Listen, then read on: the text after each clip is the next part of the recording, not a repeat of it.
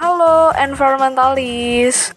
Berjumpa lagi dengan kita di Envitate Environmental Perspective Series. Di mana lagi kalau bukan di podcastnya Anak Lingkungan Persembahan Spesial dari IMGLI Regional 2 periode 2020-2021.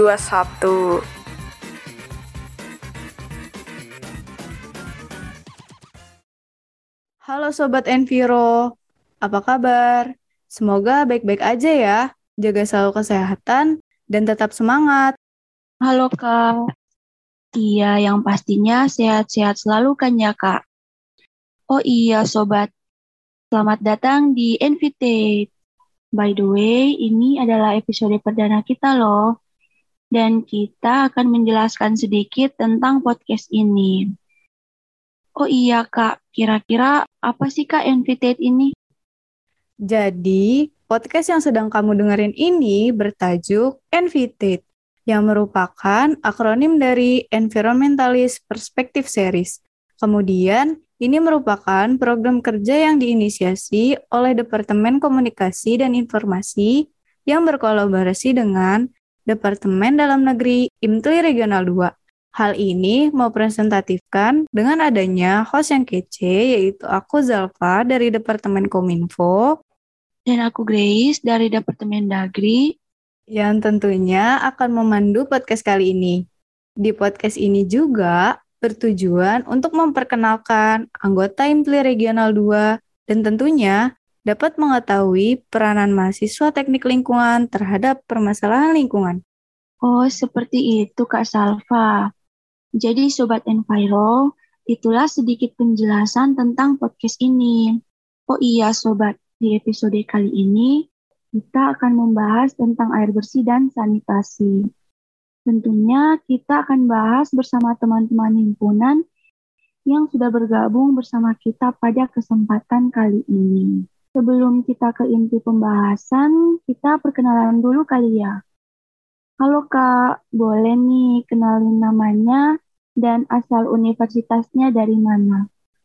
Mungkin boleh dari kakak Fieri terlebih dahulu. Oke, Mbak. Terima kasih buat kesempatannya. Sebelumnya, perkenalkan nama saya Fieri Ardiansyah dari Universitas Trisakti. Ya, sekarang saya sedang diamanahkan menjadi Ketua Himpunan Mahasiswa Jurusan Teknik Lingkungan Universitas Trisakti periode 2020-2021. Salam kenal semua. Wah, salam kenal Kak Fieri. Boleh dari kakak ITB? Oke, perkenalkan nama aku Muhammad Amin Ramadan, Hmm, asalnya Universitas dari Institut Teknologi Bandung, eh, dari lembaga KMIL. Lalu sekarang saya diamanai sebagai kepala bidang eksternal untuk tahun 2021. Saya ang- saya angkatan 2018. Sekian. Halo Kak, salam kenal. Oke, mungkin yang terakhir kita ke Kak Dharma nih. Halo Kak. Halo, halo semuanya. Halo Kak, selamat malam. Perkenalkan, nama saya Dharma Taruna dari Sekolah Tinggi Teknologi Sabta Taruna. Saya sekarang menjabat sebagai anggota dari Himpunan Mahasiswa Teknik Lingkungan Sekolah Tinggi Teknologi Sabta Taruna. Saya angkatan 2019. Salam kenal, Kak. Salam kenal. Nah, itu dia perkenalan dari teman-teman himpunan. Yang tadi ada Kak Ferry dari Universitas Trisakti, ada Kak Muhammad dari ITB, dan ada Kak Dharma dari STT Sabta Taruna. Oh iya Kak, aku pengen kenal lebih dekat lagi deh dengan Himpunan Trisakti, KMIL ITB, STT Sabta Taruna. Itu kira-kira ada program kerja apa aja sih Kak yang sudah dirancang? Mungkin bisa dari Kak Ferry terlebih dahulu. Oke, terima kasih ya Mbak atas waktunya. Eh, kalau untuk dari himpunan AMJTL Universitas Trisakti sendiri pada periode periode saya ini terdiri dari beberapa kegiatan.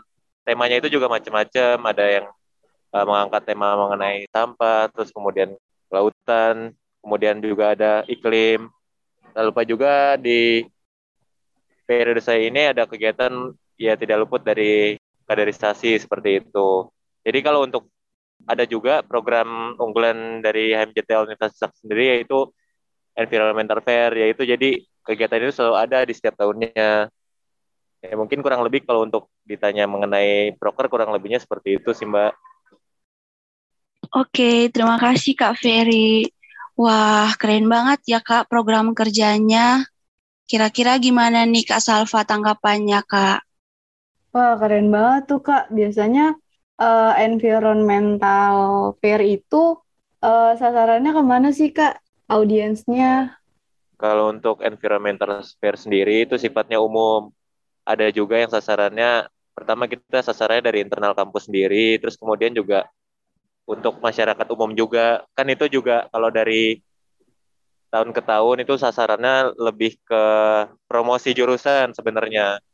Jadi di dalam acara kegiatan itu uh, kita juga ada secara apa namanya seperti kegiatan untuk mempromosikan jurusan kepada calon mahasiswa baru, mahasiswa jurusan Teknik Lingkungan Universitas Trisakti begitu.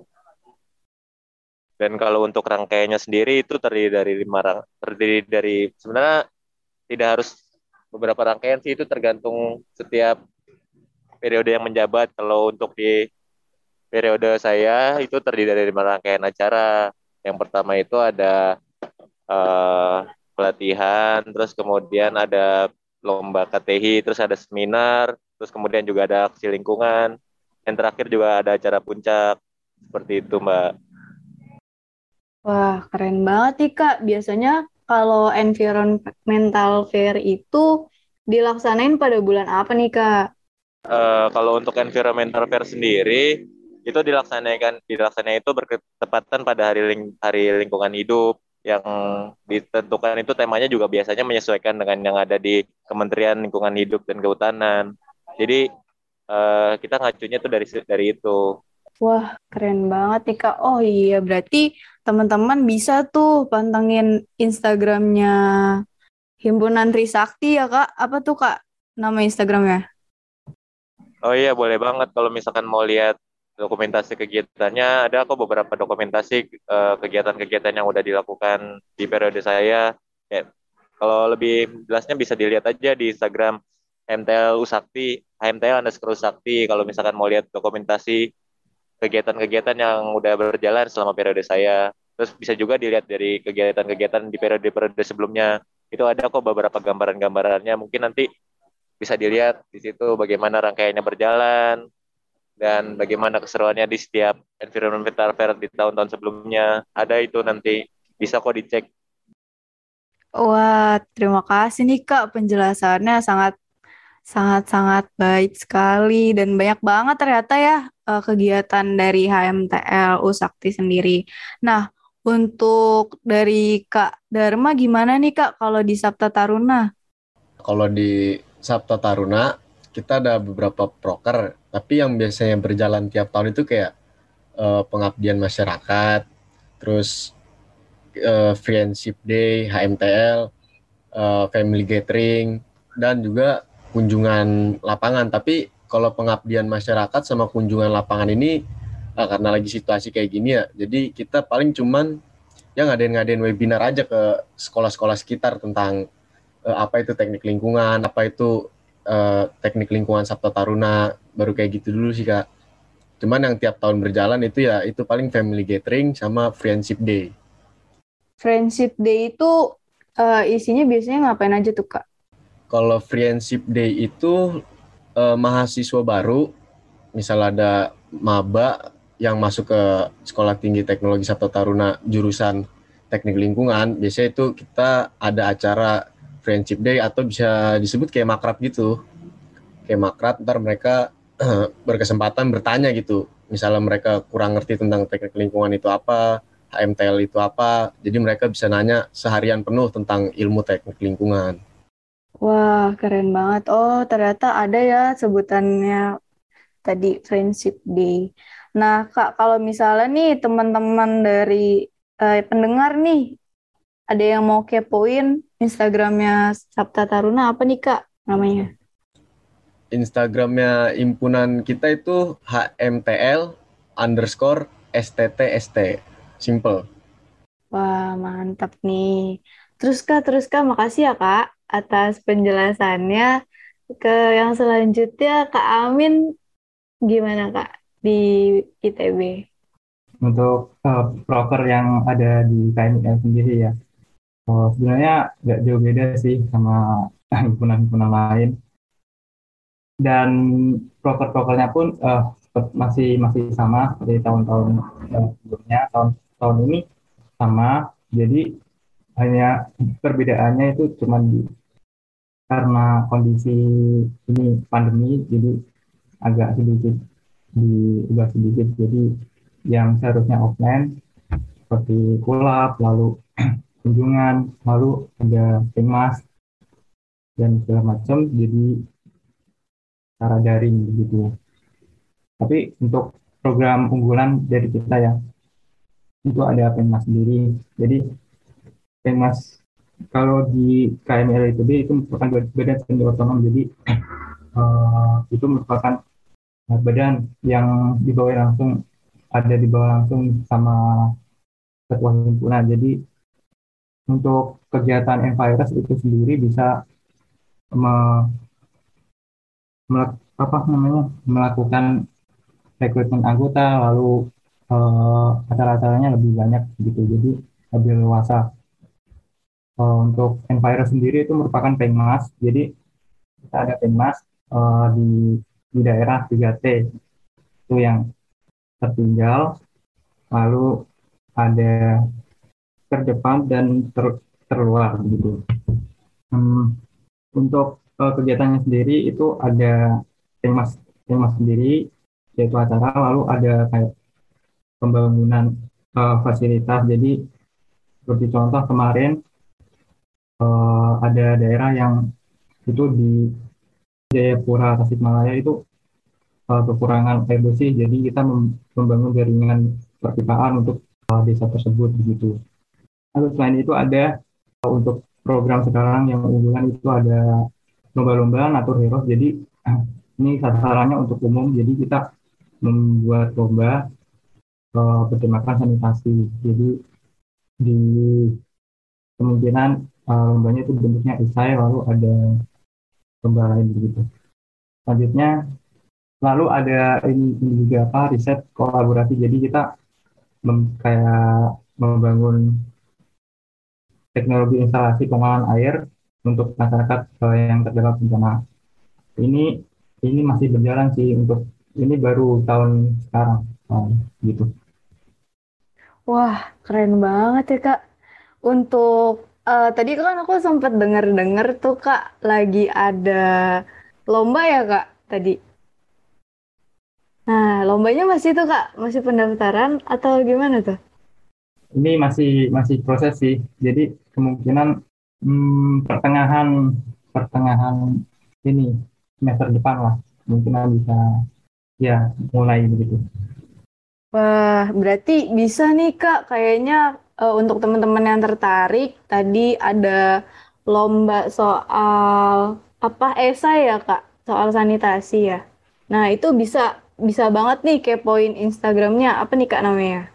Ya, untuk Instagram sendiri ID-nya KMIL underscore ITB. Dipantengin terus di situ.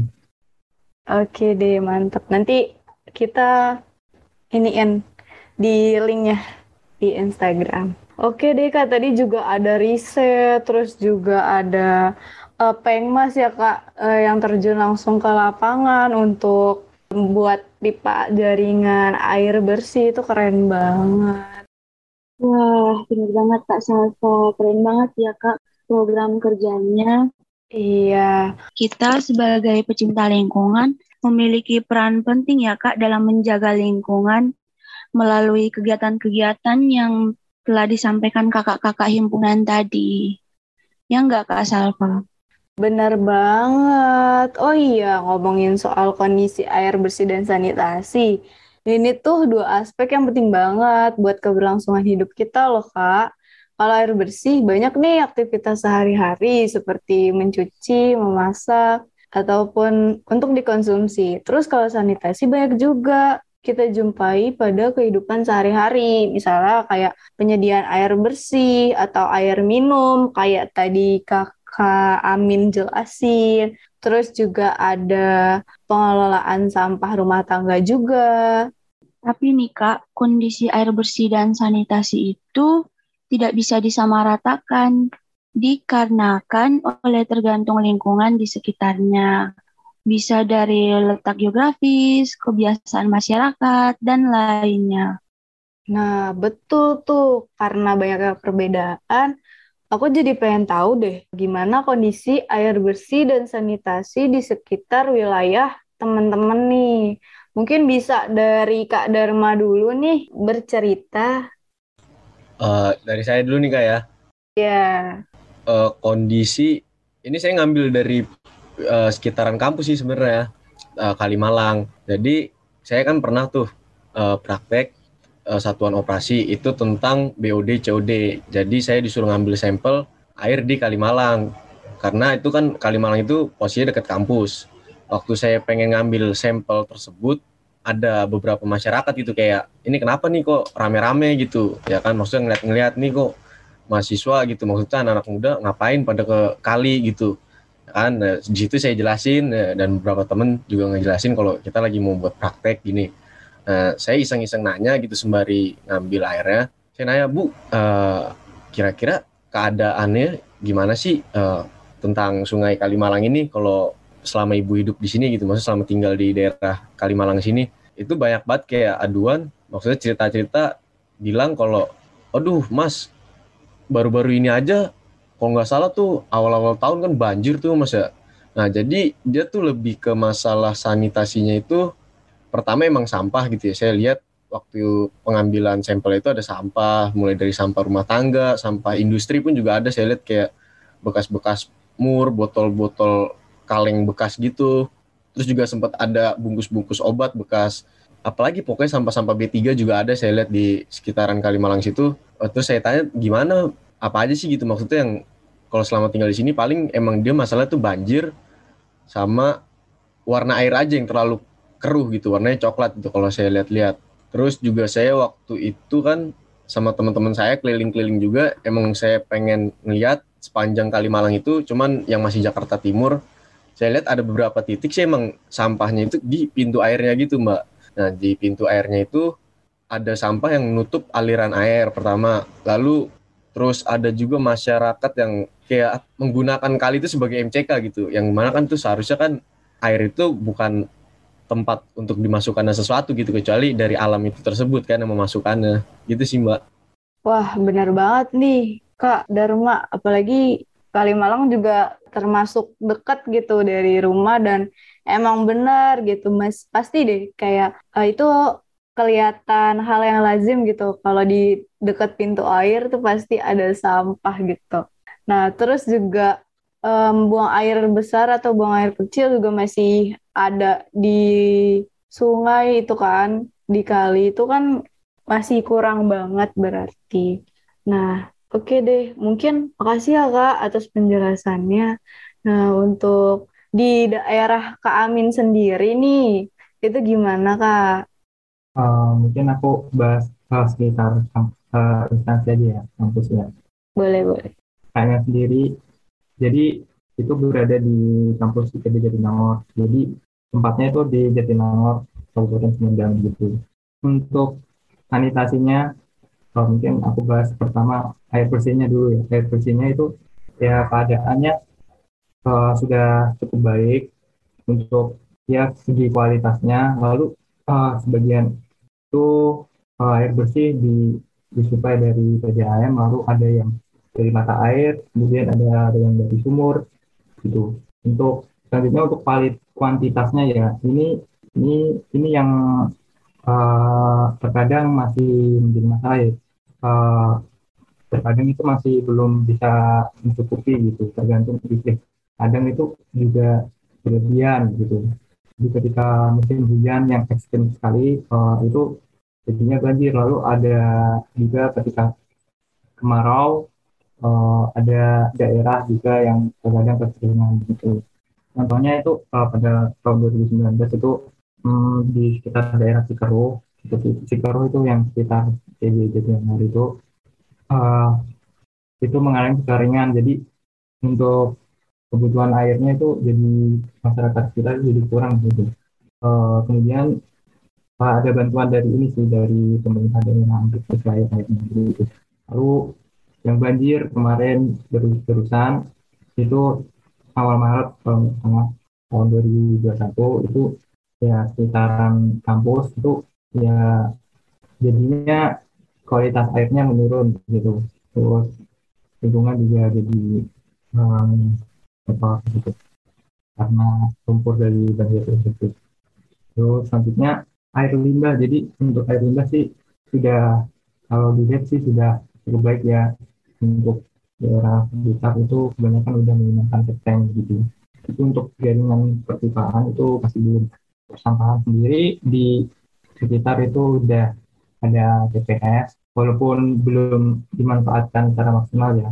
Itu di daerah Herjana, lalu di dalam kampus sendiri itu ada IPST, jadi untuk lingkungan ya ruang lingkup kampus itu ada IPST atau instalasi pengawasan satu gitu. Terus drainase sendiri tadi ya udah cukup baik. Tapi kalau ukirnya sangat ekstrim kadang juga masih masih ada masalahnya gitu. Untuk tapi untuk kampus sendiri itu drainasenya sudah sangat baik sekali. Jadi drainasenya itu volumenya udah besar. Jadi kan di ITB Jatinangor ada dua ini situ kan situ itu jadi air limpasan itu langsung masuk ke drainase lalu mengalirnya itu ke situ situ satu dan situ dua begitu uh, mungkin sekian sih untuk Wah, keren banget, Kak. Keren banget, Kak, atas penjelasannya. Nah, itu kan untuk uh, sekitar uh, apa kampus ya. Kalau misalnya di daerah rumah Kakak sendiri itu gimana? Penasaran nih. Hmm, kalau daerah aku sih ini Rembang Jawa Tengah ya. Jadi uh, untuk air bersihnya itu ambilnya itu dari kebanyakan dari sumur sih. Lalu masih ada yang ambil dari sungai. Jadi ya untuk kualitas sungainya itu juga karena di sini jarang ada ini industri jadinya masih cukup baik lah gitu. Terus untuk sampah sendiri nah ini ini yang masih kurang di daerah aku. Jadi belum ada kayak tempat TPS begitu belum ada TPS jadinya sampahnya itu masih dibakar gitu terus untuk limbah ya udah sebagian besar menggunakan septic tank gitu. Oke Kak, ih keren banget ya Kak. Berarti selama di kampus juga itu ilmunya terpakai dengan baik gitu ya Kak ya. Aska atas penjelasannya. Nah, terakhir nih Kak Ferry, Kak Ferry gimana Kak Ferry kalau misalnya di wilayah Kak Ferry? Oh iya, uh, ini uh, saya sedikit sharing aja ya. Maksudnya kalau misalkan di bawahnya terlalu serius mungkin agak kurang juga mungkin kan sedikit sharing aja atas dasar pengalaman saya selama di kampus itu gimana ngelihat kondisi badan air di sekitar kampus Trisakti itu gimana. Kalau di Trisakti sendiri kan eh, gak jauh dari di depan gerbangnya itu ada drainase. Drainase itu nanti ngarah ke badan air di seberang jalan Trisakti. Pokoknya nanti ada deh itu badan air badan air di depan Trisakti. Ah itu biasanya eh, sering bukan sering sih memang setiap tahun itu badan air selalu jadi tempat untuk penelitian kita gitu loh. Jadi kan kita ada mata kuliah lab lingkungan kan. Jadi nanti sampel airnya itu banyak yang diambil dari situ. Nah, kalau untuk kondisinya sendiri sebenarnya kalau untuk di badan air di lingkungan di depan kampus Trisakti sendiri yang sepengalaman saya itu ya kondisi badan airnya itu masih agak kurang baik ya karena memang masih banyak limbah yang tercampur menjadi satu di badan air tersebut dan badan airnya yang saya lihat itu juga masih belum terolah dengan baik begitu. Ya, yang menariknya sih sebenarnya lebih ke ini ya jadi jadi tempat untuk sampling untuk lab lingkungan kita ya. Cuman karena memang waktu mata kuliah lab lingkungan lab lingkungan itu saya dapatnya pas lagi corona. Jadi mungkin saya nggak bisa ceritanya cerita banyak waktu itu sempet sih apa namanya waktu pas awal-awal masuk itu kan uh, sempet lah uh, untuk mulai sedikit uh, survei ke tempatnya lihat bagaimana kondisi perairannya sebelum mulai lab kan ya itu maksudnya kondisi badan air di sekitaran situ mm, menurut saya itu masih kurang baik untuk dari segi pengolahannya. Mungkin kalau misalkan uh, periode pas saya nge-lab lingkungan itu masih offline, terus masih bisa sampling ke badan airnya langsung, bisa agak banyak ceritanya. Cuman kalau kayak begini, saya mungkin cuma bisa ngelihat kasih gambaran sedikit aja ya dari kondisi lingkungan kampus itu bagaimana. Paling kayak gitu sih mbak kalau untuk ditanya soal kondisi. Oke deh, bener banget sih Kak. Ini karena corona ya, jadi nggak sempat gitu.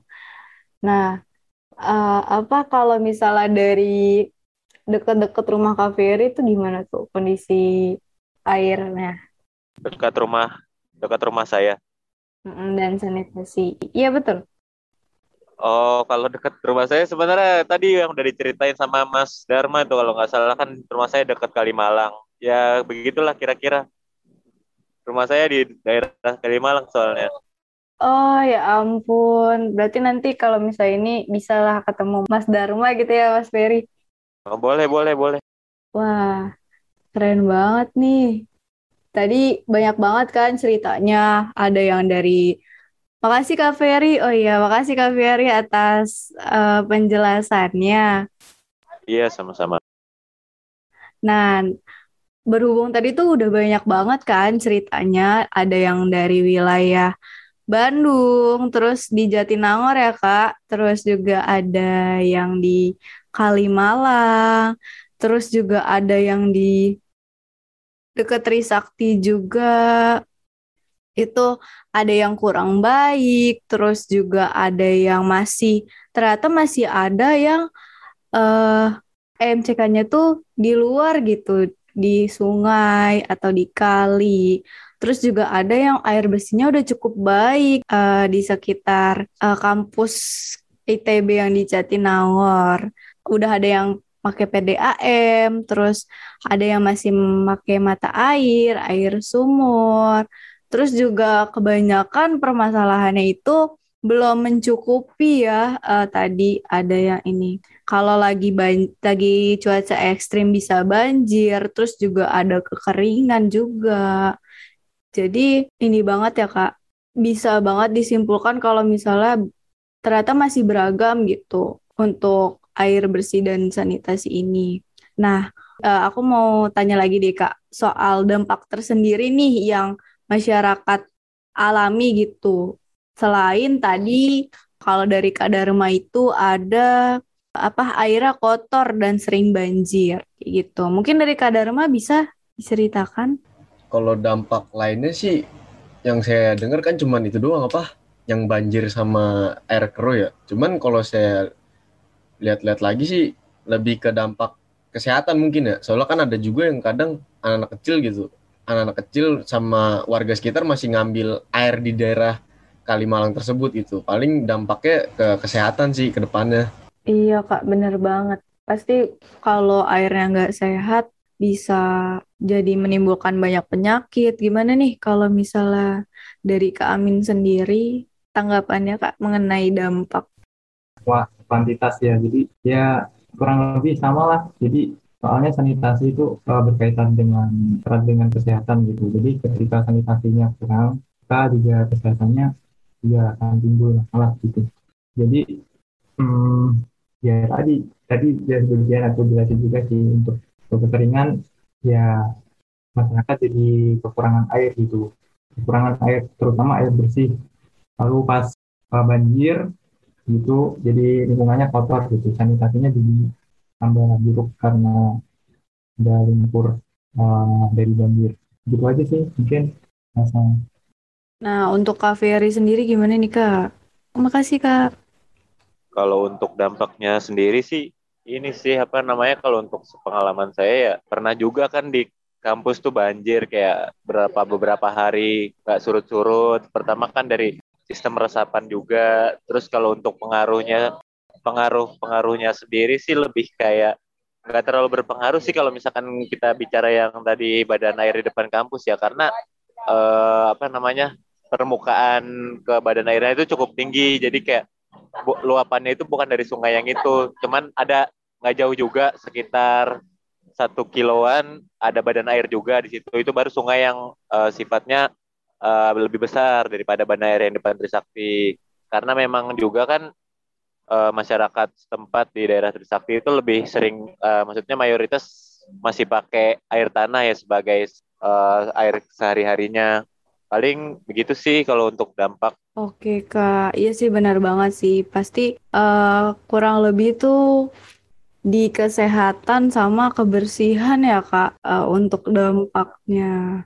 Iya benar Bang. Nah, terus uh, tadi kan kita udah dengerin nih dari kondisi wilayah sekitar teman-teman himpunan terkait air bersih dan sanitasi ada dari uh, Jatinangor, terus juga tadi di daerah Jawa ya Kak ya, terus juga ada di Kalimalang, sama di uh, deket Trisakti itu di Grogol Kak di Jakarta.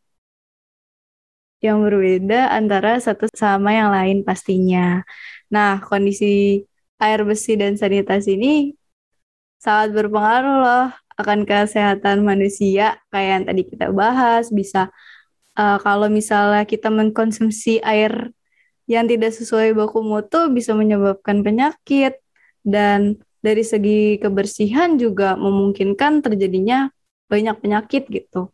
Karena uh, faktor pembawa menularkan ke si, si penerimanya sebagai contoh kejadian DBD ataupun malaria akibat kurangnya kesadaran masyarakat akan sanitasi lingkungan. Tentunya kita sebagai mahasiswa agen of change yang berkecimpung di bidang lingkungan mempunyai andil dalam permasalahan ini. Uh, aku mau nanya ini pertanyaan terakhir. Kalau dari teman-teman himpunan sendiri nih, kalau uh, berbicara tentang air bersih dan sanitasi, itu ada nggak sih teman-teman kayak uh, program kerja atau kegiatan yang lagi atau sudah dilakukan gitu kepada masyarakat terkait sanitasi dan air bersih. Nah, kalau misalnya ini apa namanya pernah nggak sih kak uh, ikut berpartisipasi gitu dalam kegiatan terkait? Mungkin dari kak Amin tadi udah dijelaskan sedikit ya, mungkin boleh kak dijelaskan kembali. Aku jawab ya. Jadi karena KMIL sendiri itu kan jurusannya tuh rekayasa infrastruktur. Jadi jurusan ini tuh berkecimpung langsung malah ke sanitasi khususnya uh, masyarakat gitu. Uh, tadi untuk kegiatannya itu ya temas itu tadi. Jadi kita ngelakuin riset untuk mencari desa yang kayak masih punya masalah sanitasi gitu.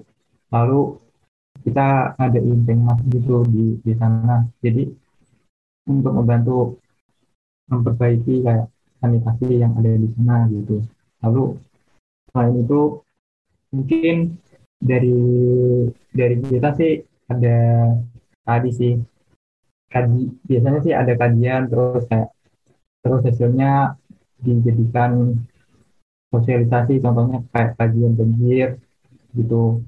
Lalu ada tadi riset kolaborasi jadi kita membangun teknologi instalasi kayak pengolahan air mungkin tergantung dari apa namanya badan pengurusnya juga mau propernya itu mau dibawa ke mana. Jadi temanya tuh tahun berbeda kadang limbah sampah ya gitu.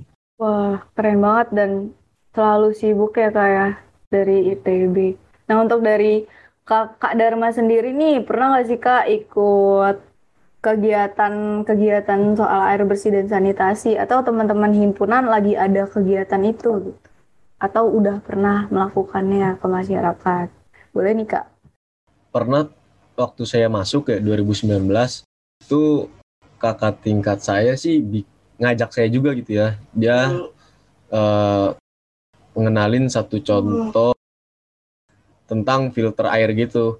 Jadi filter air yang mana itu dibawa ke lab kita terus diteliti cara kerjanya segala macam cuman karena emang langsung Desember terhambat oleh pandemi jadi ya cuman berhenti nyampe situ doang gitu maksudnya baru nyampe percobaan pertama gitu. paling yang pernah saya lakuin itu sih itu doang yang lab yang saya nge-lab sendiri gitu jadi air sampel Kalimalang saya bawa ke lab saya teliti tentang BOD COD-nya segala macam baru setelah itu udah keluar hasilnya kan baru saya kasih tahu ke masyarakat bahwa ini loh sungai kalian itu dalam bahasa yang lebih ini ya kompleks gitu bukan bahasa ilmiah kayak COD BOD gitu. Maksudnya saya kasih tahu kalau sungai Kalimalang itu udah gak layak lagi untuk dipakai untuk kebutuhan sehari-hari kecuali kalian mungkin ingin uh, masyarakat sendiri ingin menjaganya gitu mulai dari buang sampah buang air limbah domestik segala macamnya gitu doang sih kak Wah, terima kasih nih Kak penjelasannya.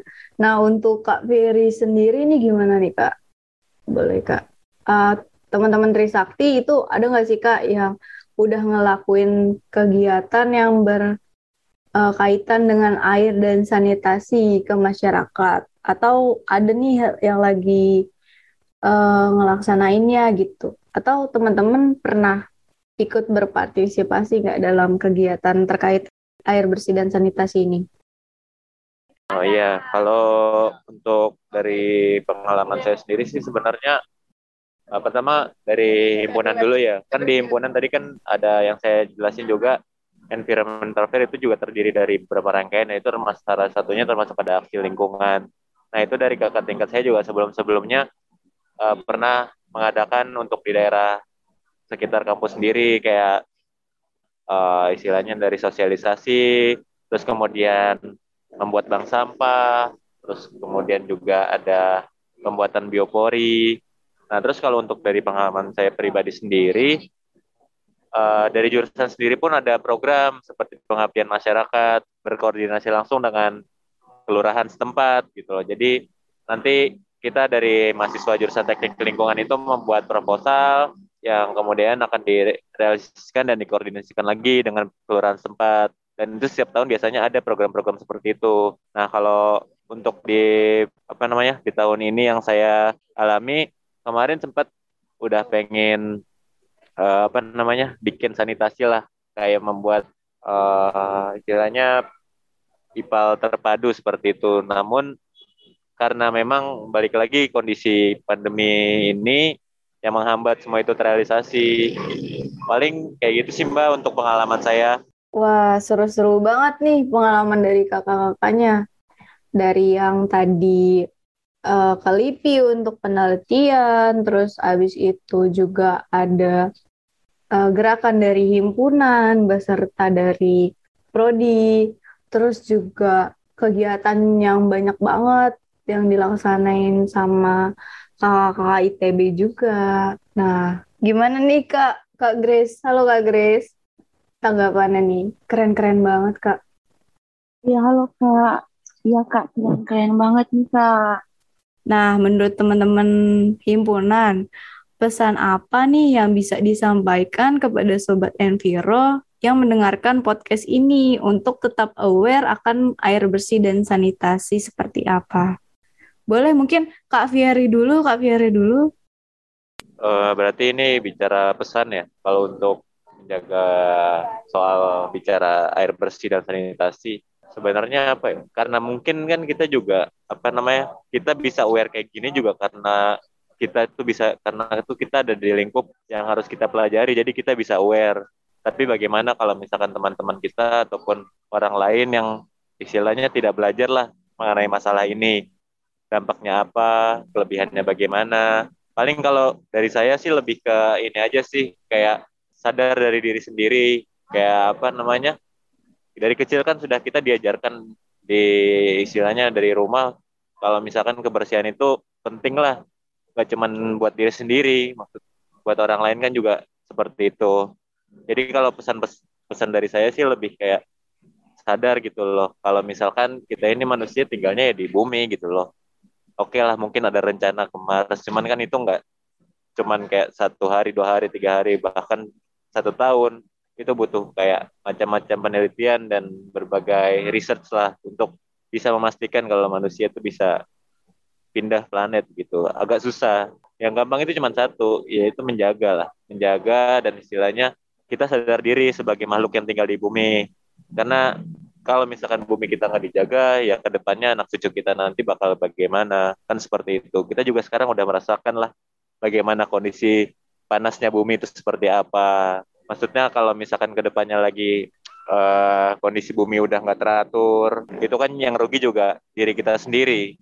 Paling itu aja sih kalau pesan-pesan dari saya. Wah, benar banget nih Kak. Pesannya sangat menginspirasi nih. Untuk Kak Dharma sendiri, itu gimana nih Kak pesan-kesannya? Hmm, pesannya ngomongin tentang lingkungan, nggak perlu masuk teknik lingkungan, nggak usah ikut-ikutan komunitas pecinta lingkungan. Cukup jadi manusia aja sih yang sadar akan lingkungan. Gitu aja sih kalau saya Kak. Ih, bagus banget statementnya Kak Dharma. Untuk selanjutnya nih yang terakhir, ada Kak Amin, boleh Kak pesan-kesannya? Pesan dari aku ya, jadi sanitasi sendiri itu kan uh, masih kurang diprioritaskan sekarang kan. Padahal itu merupakan penting gitu. Tadi aku udah bilang uh, karena langsung berdampak uh, dampaknya itu pada kesehatan gitu. Jadi pesan dari aku menjaga kebersihan, sanitasi uh, khususnya di rumah karena sekarang kan lagi pandemi kan kebanyakan aktivitas juga di rumah lalu WFH juga kan gitu jadi rajin-rajin menjaga lingkungan lalu menghemat air, terus mengurangi volume sampah, terutama plastik, gitu, dan sebagainya, gitu. Uh, pesan dari aku sih. Jadi dari uh, pesan-pesan yang sudah disampaikan oleh kakak-kakak himpunan tadi, um, karena sanitasi juga merupakan kebutuhan dasar ya kak, yang meliputi air minum, efisiensi penggunaan air, dan pengelolaan sumber air, jadi sanitasi juga dapat dikatakan baik apabila bisa mencegah terjadinya kontaminasi pada sumber air bersih dan melindungi lingkungan.